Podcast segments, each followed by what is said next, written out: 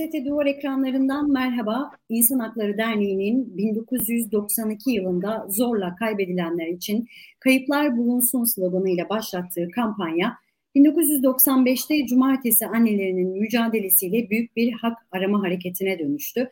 27 Mayıs 1995'te Hasan Ocak'ın gözaltında kaybolmasından bu yana her cumartesi günü Galatasaray Meydanı'nda oturma eylemi düzenliyor e, cumartesi anneleri ve gözaltında kaybolan yakınlarını ve faili meçhul siyasi cinayetlere kurban giden yakınlarının faillerini arıyorlar. Bugün yaşadıklarını kendi ağızlarından dinleyerek anlamaya çalışacağız. Hasan Ocak'ın kız kardeşi Maside Ocak ve 12 Eylül darbesi sırasında gözaltında kaybedilen abisi Hayrettin Eren için mücadelesini devam ettiren İkbal Eren Yarıcı bugün yayın konuğumuz olacak. Her iki konuğuma da teşekkür ediyorum yayınıma, e, yayınımıza katıldıkları için ve Maside Hanım e, sizinle başlayacak olursak.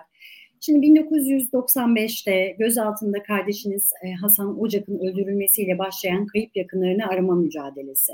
Bilmeyenler ya da duymayanlar için Cumartesi anneleri kimdir? Cumartesi anneleri ne istiyor? Cumartesi anneleri 1980'lerde, 1990'larda hatta çok daha eskiye de e, varıyoruz gözaltında kaybetmelerin tarihi bizim coğrafyamızda. Evet. Edirne'den Kars'a, e, İzmir'den Diyarbakır'a, ülkenin her e, bölgesinden e, devletin güvenlik güçleri tarafından gözaltına alındıktan sonra kaybedilen, varlıkları inkar edilen, e, kişilerin, insanların e, yakınlarından oluşuyor. E, hiçbir siyasi parti ya da e, hiçbir e, siyasi görüşün e, çatısı altında değil, İnsan Hakları Derneği e, çatısı altında çalışmaları çalışmalarını yürüten e, bir oluşum Cumartesi Anneleri. E, Türkiye'nin ilk, e, dünyanın da ikinci en büyük sivil itaatsizlik eylemini gerçekleştiriyoruz 27 Mayıs 1995'ten beri. Ee, sizin de dediğiniz gibi 1992'de ve e, daha sonraları e, hatta daha da önceleri e, gözaltında kaybedilen insanların yakınları, e, arkadaşları, yoldaşlarının yürüttüğü kampanyalar e, vardı kayıplara ulaşabilmek için, kaybedilenlere ulaşabilmek için. E, 95'te 21 Mart 1995'te abim Hasan Ocak gözaltına alındı. E, gözaltında görenler vardı, tanıklar vardı ama intihar ediliyordu.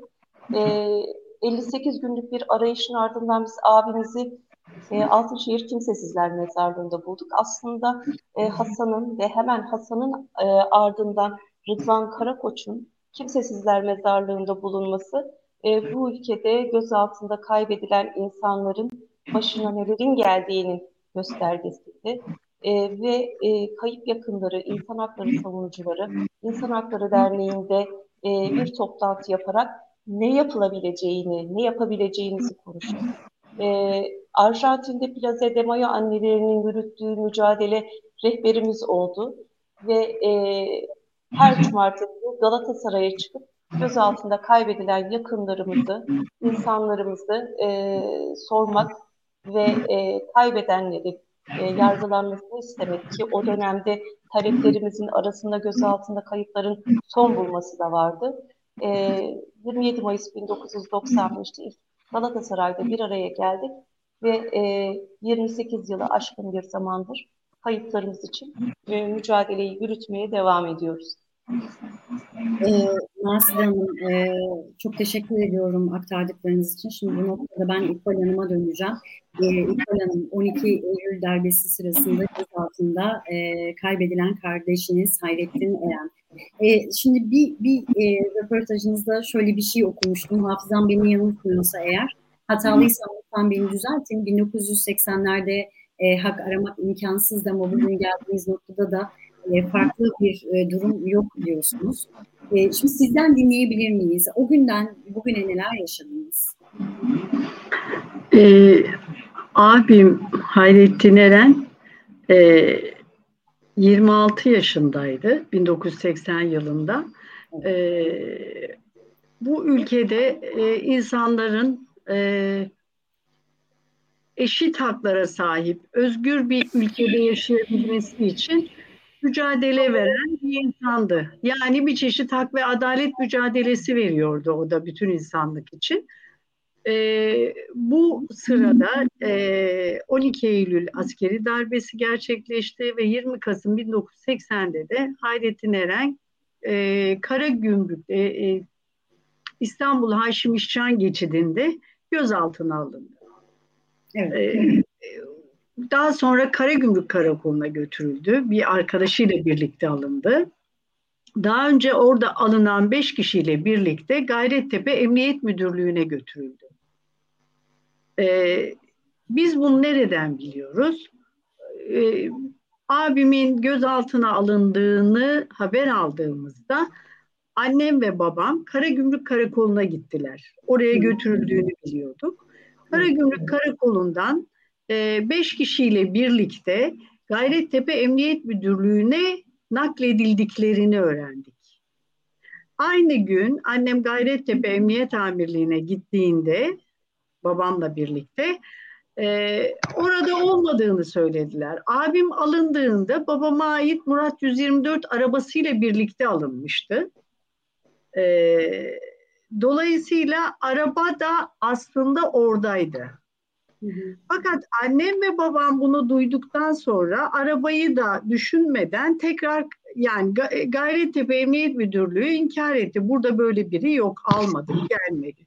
Tekrar e, Karagümrük Karakolu'na aynı gün içinde oluyor hepsi. Evet. Döndüklerinde e, orada karakoldaki gözaltı defterinde o sayfanın olmadığını ve Hayrettin Eren'in e, gözaltına alınmadığını söyledi. Yani inkar ettiler. Bizim için süreç böyle başladı. Aslında o gün niyet belliymiş. E, fakat e, 80'li yıllarda ya da bizim daha genç olduğumuz zamanlarda bu kavram çok fazla da bilinmiyordu. Evet Arjantin'de vardı, başka ülkelerde vardı. Biz bunu gazetelerden, kitaplardan okuyorduk ama sanki başımıza hiç gelmez gibi düşünüyorduk. Ee, dolayısıyla zaman zaman işte e, tekrar emniyet müdürlüğüne gidildi. Ama bu sırada hastaneler, cezaevleri, karakollar sürekli aranıyor. Ee, bir gittiğimizde annem gidiyor. Biz daha genç olduğumuz için e, çok yaklaşamıyorduk oralara. Çünkü e, sizin de söylediğiniz gibi daha önce de belirttiğim gibi 80'li yıllar korkunç yıllardı. Ee, arabamızı da Emniyet Müdürlüğü'nün bahçesinde görmüştü annem. E, oradaki görevliye, görevli yine Hayrettin Eren burada yok e, dediğinde siz yok diyorsunuz ama arabamız burada. E, oğlum da burada dediği halde annemi oradan tartaklayarak uzaklaştırdılar. E, bunları çok fazla yaşadık. Ama dönem öyle kötü dönemdi ki biz Cumhuriyet Gazetesi'nden bile kurulduk. Yani o dönem o dönem küçücük bir haber bile yaptıramıyordunuz. Ee, alternatif gazete yok, muhalif gazete yok. Ee, işte muhalif diyebileceğimiz e, bir Cumhuriyet gazetesi var. Kapısından kovulduk. Bacasından girdik kardeşimle birlikte. Ee, başvurabileceğiniz bir duyurabileceğiniz, farkındalık yaratabileceğiniz bir mecraya şey yok hiçbir şey yok. Yani 80'li yıllar demok yani şu anda da demokrasiden söz edemeyiz ama ne bir siyasi parti var ne demokratik kitle örgütleri var. Hiçbir şey yok sesinizi duyurabileceğiniz. Ee, hükümet kurulmamış, başvurabileceğiniz beşli, bugünkü beşli çete, o günkü de işte beşli çete diyebileceğimiz askeri darbeyi oluşturan beş kişiden başka başvurabileceğiniz hiçbir merci yok. Gidi, karakollara gidiyorsunuz, işte cezaevlerine gidip soruyorsunuz. Burada böyle biri var mı? Ee, yani o ilk zamanlar bizim için gerçekten bir işkence. Haber alamıyorsunuz, başvuracağınız hiçbir yer yok. Ama zaman ilerledikçe e, olay biraz daha açığa çıktı. Kimlerle birlikte alındığını öğrendik. E, bir süre sonra o insanlar e, gözaltından cezaevlerine nakledildikten sonra onlarla daha sağlıklı iletişim kurarak bir şeyleri öğrenmeye çalıştık. O beş kişinin tanıklığına rağmen e, savcılık, İstanbul e, Cumhuriyet Savcılığı e, dava açmadı. Cumhuriyet Savcılığına başvurduk. E, gözaltında e, olduğuna dair tanıklarının olduğunu ve o tanıkların beyanlarının olduğunu ki onlar da her çıktıkları mahkemede e, Hayrettin Eren'i istiyorlardı. Yani bizimle birlikte ama nerede olduğunu bilmiyoruz. Bizle birlikte yargılanması gerekir şeklinde e, sürekli istiyorlar da onların dava dilekçelerinde dosyalarında hala mevcut bu dilekçeler ama e, hiçbir şekilde ce, şey cevapsız kalıyor. E, bizim e, konseye verdiğimiz, gönderdiğimiz dilekçelerden bir tanesine cevap gelmişti. Kenan Evren imzalı. E, orada da şöyle söylüyordu. E, Hayrettin Eren e, gözaltına alınmamıştır, halen aranmaktadır şeklinde bir cevap gelmişti. E, yani sürekli inkar ediliyordu. Bunların üzerine İstanbul Cumhuriyet Savcılığına babam başvurdu. Beş kişinin noter kanalıyla yapmış olduğu, vermiş olduğu ifadelere rağmen e, Cumhuriyet Savcısı davayı açmadı. Bizim de olduğumuz e, ortamda, odasında ben, kardeşim, babam e, gözümüzün içine baka baka şunu söyledi. Ben bu davayı açarsam bu koltuğumdan olurum. E, babama şöyle ifade etti. Eğer sen de bu çocuklarını düşünüyorsan bu davadan vazgeç. Babam da yani çocuklar benim çocuklarım, onlar benim tasarrufumda, siz görevinizi yapın dediği halde bu davayı açmadı. Ama yapabileceğiniz inanın hiçbir şey yok. Hani basın toplantısı diyorsunuz, basın toplantısı yapacağınız bir ortam yok, çağıracağınız bir gazeteci yok, tek bir televizyon kanalı var TRT, e, devletin televizyonu yani devlet sürekli Hayrettin Eren'in gözaltına alındığını inkar etti. Ee, biraz daha işte siyasi partiler tekrar kuruldu. Ee, işte tırnak içinde STK'lar yavaş yavaş oluşmaya başladı. Ee, annelerimiz İnsan Hakları Derneği'ni kurdu. Ee, Tutuklu Aileleri Yardımlaşma Derneği'ni kurdu. Kardeşim de o sırada cezaevinde idi. O arada bu aramalar sırasında e, Faruk da cezaevindeydi. O da alınmıştı. Dolayısıyla buradan başlayan farklı bir mücadeleye evrildi o şey, e, mücadele. Ee, İnsan Hakları Derneği kurulduktan sonra biraz daha işte basın açıklamaları yaparak, e, yani bu sırada tabii e, bir hükümet kuruldu. Orada Adalet Bakanlığı, İçişleri Bakanlığı gibi mercilere ulaşarak derdimizi anlatmaya çalıştık. Ama hiç e, yani gözaltına alındığı, inkar edildiği için e, hiçbir şey anlamda Hayrettin Eren için hukuk işlemedi böyle diyeyim. Ama yaptığımız şeyler işte sonrasında basın açıklamalarıyla sınırlı kaldı diyeyim ve ta ki 95 yılına kadar. Şimdi e, İkbal Hanım siz biraz e, soluklanırken ben Maside Hanım'a döneceğim tekrar. Şimdi Maside Hanım az önce İkbal Hanım'ın da söylediği gibi şimdi tabii biraz o dönemleri tasvir etmeye çalıştı. Yani demokratik kitle örgütleri dahi yok, televizyon yok, hani sesimizi duyurabileceğimiz bir gazete, bir mecra yok. Bugüne baktığımızda e, siyasiler, muhalefet, e, sivil toplum kuruluşları, elbette İnsan Hakları Derneği, e, Sayın Eren Keskin'i ben cumartesi günleri de elbette görüyorum. Kendisi de gözaltına alınıyor ama e, farklı sivil toplum kuruluşlarından destek alabiliyor musunuz? Bu davanızda e, sesinize kimler kulak veriyor ya da kimler vermiyor? Ee, aslında e, şöyle söylemek daha doğru olur. E, bu bu e, göz altında kaybedilen e, insanlarımız sadece bizim yakınımız değil. Onlar aslında bu toplumun birer parçası. Kayıplar bu ülkenin birer gerçeği ve e, biz aileleri olarak belki sevdiklerimize ulaşmayı e, ulaşmaya çalışıyoruz. Onların akıbetini öğrenmeye çalışıyoruz. onlar için birer mezar yeri yapmak istiyoruz ama e, dönüp bugüne baktığımızda gerçekten toplumun ya da e, demokratik kitle örgütlerinin, siyasi partilerin, genel olarak muhalefetin e, büyük bir sahiplenişini biz e, açıkçası e, göremedik diyebilirim. E, 300. haftamızda, 400. haftamızda, 500. haftamızda, 600. haftamızda özel kampanyalar yürüterek e, yaptığımız buluşmalarımızda evet çok kalabalık oluyorduk ve sesimizi e, hem e, farklı e, basın yayın e, mecraları hem de farklı e, sivil toplum örgütleri e, ilerletebiliyorlardı ya da e, yaygınlaştırabiliyorlardı. Biz e, 14 haftayı, 15 haftayı geride bıraktık neredeyse. 15 haftadır gözaltına e, alınıyoruz Galatasaray'dan. Evet. Ve e, 15 haftadır e, ciddi bir anlamda e, bir e, tam bir destek e, bulabildiğimizi söyleyebilmem mümkün değil. Evet yanımızda insanlar var. E, evet bizi destekleyenler var. Yazanlar var.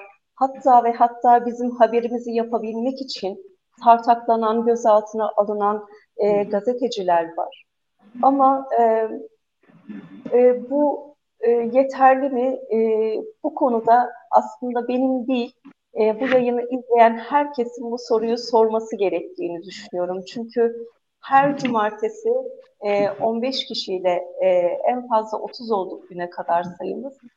E, 20 kişiyle Galatasaray Meydanı'na ulaşmaya çalışıyoruz kayıplarımız için.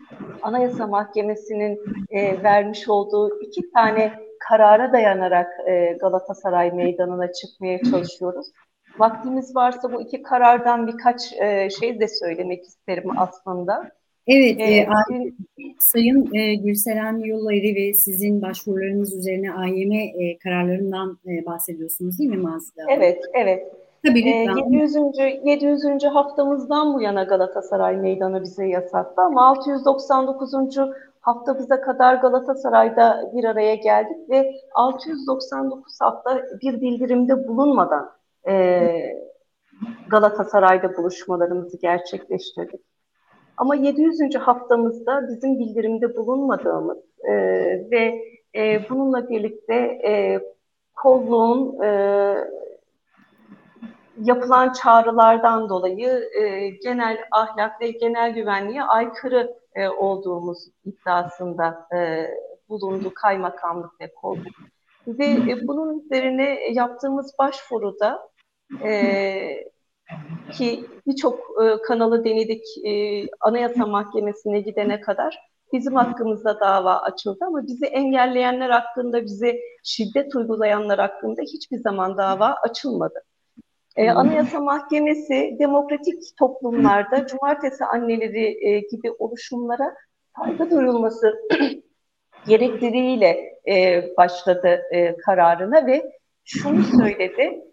E, her hafta aynı yerde ve aynı saatte yapılan bir etkinlik için e, izin e, başvurusunda bulunulmasına gerek yoktur dedi. Zaten anayasada bize e, barışçıl e, buluşmalarımız için böyle bir hak tanımış durumda. Biz anayasanın bize verdiği bir hakkı kullanmaya çalışırken engelleniyoruz.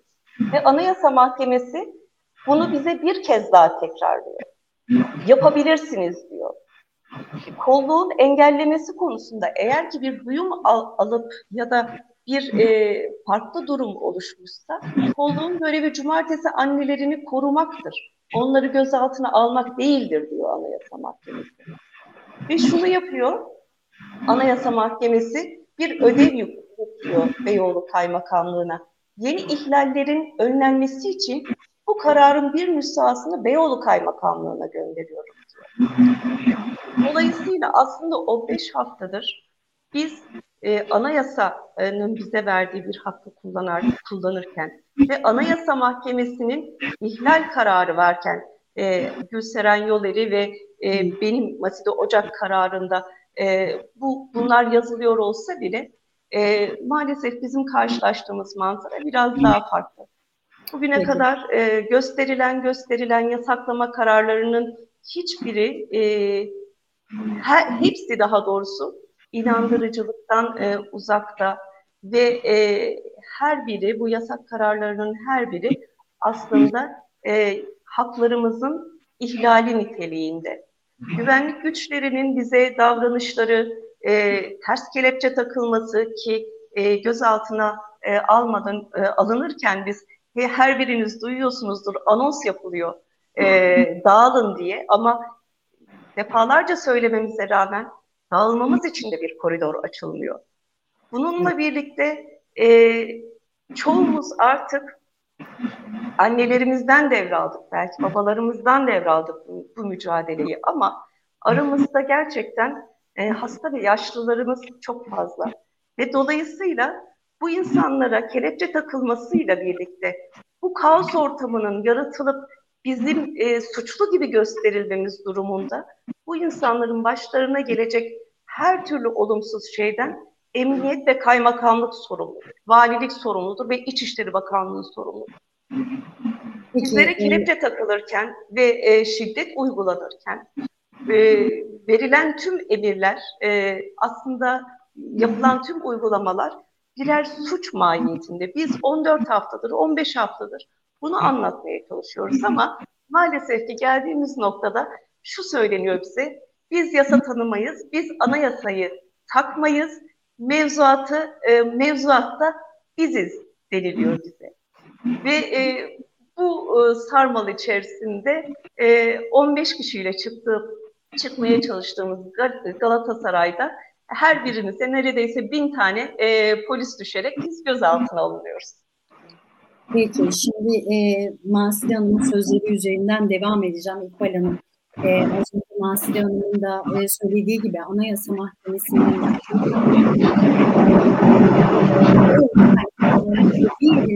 rağmen Cumartesi anneleri 15 haftadır e, Galatasaray e, meydanına, Cumartesi annelerinin Galatasaray meydanına çıkması engelleniyor. Geçen cumartesi günü e, 955. haftada yine gözaltına alındı cumartesi anneleri. Şimdi bu noktada o zaman şunu sormak gerekiyor. Neden cumartesi anneleri gözaltına alınıyor? Ama ben şunu da ekleyerek soracağım İkbal Hanım. Gözaltında bu muameleye maruz kaldınız mı? Şimdi e, hem biraz önceki konuşmamın devamı hem de Maside'nin söylemiş oldukları aslında buna e, üzerinden gideyim. 80'li yıllarda e, hak aramak çok zordu hatta hiç yoktu demiştik. E, aradan kır, geçen 43 yılda değişen çok fazla bir şey yok aslında. E, sadece görünür olmak aradaki fark bu. E, şimdi e, Anayasa Mahkemesi'nin kararına rağmen kaymakamlık e, bunu engelliyorsa aslında onlara sormak lazım. Neden bunu yapıyorsunuz diye. Çünkü biz her hafta e, elimizdeki bu kararı gösteriyoruz, kararları gösteriyoruz, e, haklı mücadelemizden söz ediyoruz. Biz anayasal hakkımızı kullanıyoruz diyoruz. Buna rağmen e, kaymakamlığın göndermiş olduğu, görevlendirmiş olduğu kolluk güçleri bize kaymakamlığın burada e, basın açıklaması yapılamayacağına dair yasağının olduğunu, yasakladığını söylüyor. Şimdi e, bir tarafta Anayasa Mahkemesi'nin vermiş olduğu bir karar var. Hak ihlaline uğradığımıza dair bir karar var. Diğer taraftan da bu kararı tanımayan bir kaymakamlık var. E, buradan çıkan e, keyfi bir uygulama başka bir şey değil aslında. Yasa tanımamazdı. Kendi yasalarını dahi tanımayan bir güruhla karşı karşıyayız. Ee, ben yasa tanımam. Ee, ben istediğim şekilde hareket edebilirim. Yani astığım astık, kestiğim kestik e, gibi bir davranış içerisinde. E, temelde bu, bu soruyu aslında kaymakamlığa, kaymakamın kendisine sormak gerekiyor. E, çünkü biz her hafta soruyoruz ve cevap alamıyoruz. Aldığımız cevap sadece yasak olması. Dolayısıyla hani buradan baktığımızda 43 yıldır benim verdiğim, bizim verdiğimiz mücadelede e, değişen çok fazla bir şey yok hak arama anlamında. E, sadece işte sokağa çıkabiliyoruz, e, daha çok görünür oluyoruz, görünür kılınıyoruz. E, bu, bu manada bir değişiklikten söz edebiliriz ama adalet e, mücadelesi dediğinizde yok. E, ama sizden rica edeyim ben bu soruyu bir de kaymakamın kendisine sorun. Neden e, böyle bir tavır içerisindesiniz? Bu yasaya, bu karara rağmen e, neden kararı, Anayasa Mahkemesi'nin kararını tanımıyorsunuz diye bence bir kez de onlara sormak gerekiyor. Çünkü biz e, görüşmek istesek de görüşme talebimiz reddediliyor. E, neden diye yüz yüze sormayı çok istiyoruz. Çok istiyoruz bunu ama yüz yüze gelemiyoruz ne yazık ki. Ee, kötü muamele dediniz. Evet, evet, Aslında yani bizim alınmış olmamız da bir kötü muamele değil mi? Ee, yani az önce, e, az önce Maside Hanım ters kelepçeyle e, nasıl evet. anlattı ee, Yani bir birçoğumuz ters kelepçeyle gözaltına alınıyor, bir kısmımız e, önden kelepçeyle gözaltına alınıyoruz. Zaman zaman araç içerisinde e, bazı arkadaşlarımız kötü muameleye e, tabi tutuluyor. E, zorla kelepçe içe, mesela dışarıda kelepçe takılmamışsa içeride kelepçe takmaya çalışılıyor. Buna karşı çıktığınızda şiddete varan şeylerle karşılaştık zaman zaman ki Masi'de bunların örneği e, Ali Tosun bunun örneği geçen haftalarda e, araç içerisinde e, neredeyse darp edildiler ya da kelepçe takılmaya çalışılırken Maside bacağından e, yara almış oldu. Bizim orada alınmamız zaten başlı başına kötü bir muamele. Onun ötesinde şimdi biz belli yaşa gelmiş insanlarız. E, gözaltına alınıyoruz o araçla hastaneye gidiyoruz ve hastanede pardon e, hastanede insanlar bize bakıyorlar. Evet. İnsanlar bize bakıyorlar. Kim bunlar diye. Kendimizi anlatmamıza da izin verilmiyor. Anlatmak istediğimizde e, sözlü tacize uğruyoruz. Kendimizi anlatmalıyız. Çünkü ben e, hırsız değilim. Niye işte polis eşliğinde e, bir sürü kadın ya da erkek hastaneye giriyor e, kimdir bunlar? Biz cumartesi anneleriyiz deyip kendimizi anlatmaya çalıştığımız zaman ve artı e, bizimle birlikte o insanlar da mağdur oluyor. Çünkü biz onların sıralarını alıyoruz. Acil hastanelerin acil bölümüne götürülüyoruz. Acil bölümünde acile gelen acil hastaların sırasını alarak biz e, sağlık kontrolünden geçiriliyoruz. Ama bu sırada gerçekten e, onurum kırılıyor benim. Çünkü polis eşliğinde ben hastanede ne işim var, ne yapmışım ya. Yani. E, kendimizi insanlara anlatmak istediğimizde de e, sözlü tacize uğruyoruz. Konuşmayın. İşte kimse neredeyse diyecek ki arkanı dön. Yani utanmasa bunu da söyleyecek. E, kötü muamele dediğimizde mutlaka kabadayak veya işte benzeri şeyler değil ama e, onur kırıcı davranışlarla karşı karşıya kalıyoruz. Evet. İnsan onuruna yakışmayan e, Evet, evet. E, sizin de söylediğiniz gibi sadece kaba kuvvetle olmuyor. E, Elbette. bu noktada e, Masile Hanım, e, şimdi süremiz de çok daraldı ama e, Cumartesi anneleri adına bir mesaj verecek olsanız e, bugün buradan e, nasıl bir mesaj verirdiniz? Çok kısa e, mesajınızı alarak kapatalım. Ee, bunu konuştuk. İki AYM kararımız var ki e, aslında iki AYM kararımız daha var kötü muameleden dolayı. 700 ve 704. haftadan dolayı. E, biz e, bize yönelen e, her türlü e, şiddeti e, şiddetle hesaplaşma yoluna ya da bunu davaya dönüştürme yoluna gittik. E, ve e, bu davaların hepsinde de e, bizim haklılığımız ortaya çıktı. Ee, biz geldiğimiz noktada şunu söylemeye devam ediyoruz. Biz yasaların verdiği, bize tanıdığı hakkımızı kullanıyoruz. Biz kayıplarımızı arıyoruz. Galatasaray Meydanı bizim kayıplarımızla buluşma mekanımızdır. Ve bizim umutlarımızı, e, bölüştüğümüz yerdir. Bizim bekleyişimizi bölüştüğümüz yerdir. Bizim aslında e, her yanıyla hayatı bölüştüğümüz yerdir Galatasaray. Biz kayıp yakınları ve hak savunucuları olarak. Biz her birimiz, her bir kayıp yakını belki Galatasaray Meydanı'na ilk çıktığımızda sadece kaybettiğimiz yakınımızın e, ailesiydik. Ama şu, e, aradan 28 yıl geçti ve biz şu anda e, her birimiz e, birbirimizin büyük ailesiyiz. Ve bugüne geldiğimizde iki tane e, alternatifimiz var önümüzde. Ya kayıplarımızdan ve Galatasaray'dan vazgeçeceğiz ya kayıplarımızı, hayatı, e, haklarımızı ve e, oluşturduğumuz hafıza mekanımızı savunmaya devam edeceğiz. Birincisini biz hiç yapmadık. Hiçbir zaman e, vazgeçmedik ve hiçbir zaman kabul etmedik. Biz Galatasaray'dan da, kayıplarımızdan da, e, hak ve özgürlüklerimizden de vazgeçmedik, vazgeçmeyeceğiz demek istiyorum. Peki. Mahside Hanım çok teşekkür ediyorum. Ee, İkbal Hanım son kez e, sözü size bırakacak olursam e, buradan bir mesaj verecek olsanız siz hangi mesajı verirdiniz? E, cumartesi anneleri için Galatasaray Meydanı'nın önemini Maside anlattı. Ben de şu, e, hak ve adalet mücadelesinden söz edeyim. E, adalet herkes için e, gerekli. Biz kayıplarımız için adalet istiyoruz. Ama biz e, kayıplarımız için adalet isterken bu ülkede demokrasi için de mücadele vermiş oluyoruz. Çünkü bu ülkeye demokrasi gelecekse o meydandan geçecek. O meydanda e, biz kayıplarımızın akıbetini öğrenmeden, kayıplarımızın failleriyle yüzleşmeden bu ülkeye asla demokrasi gelmez. O nedenle ülkedeki e, biraz vicdanı olan insanlara seslenmek istiyorum e, herkes için adalet e, gerekli. Biz herkes için mücadele veriyoruz. Peki.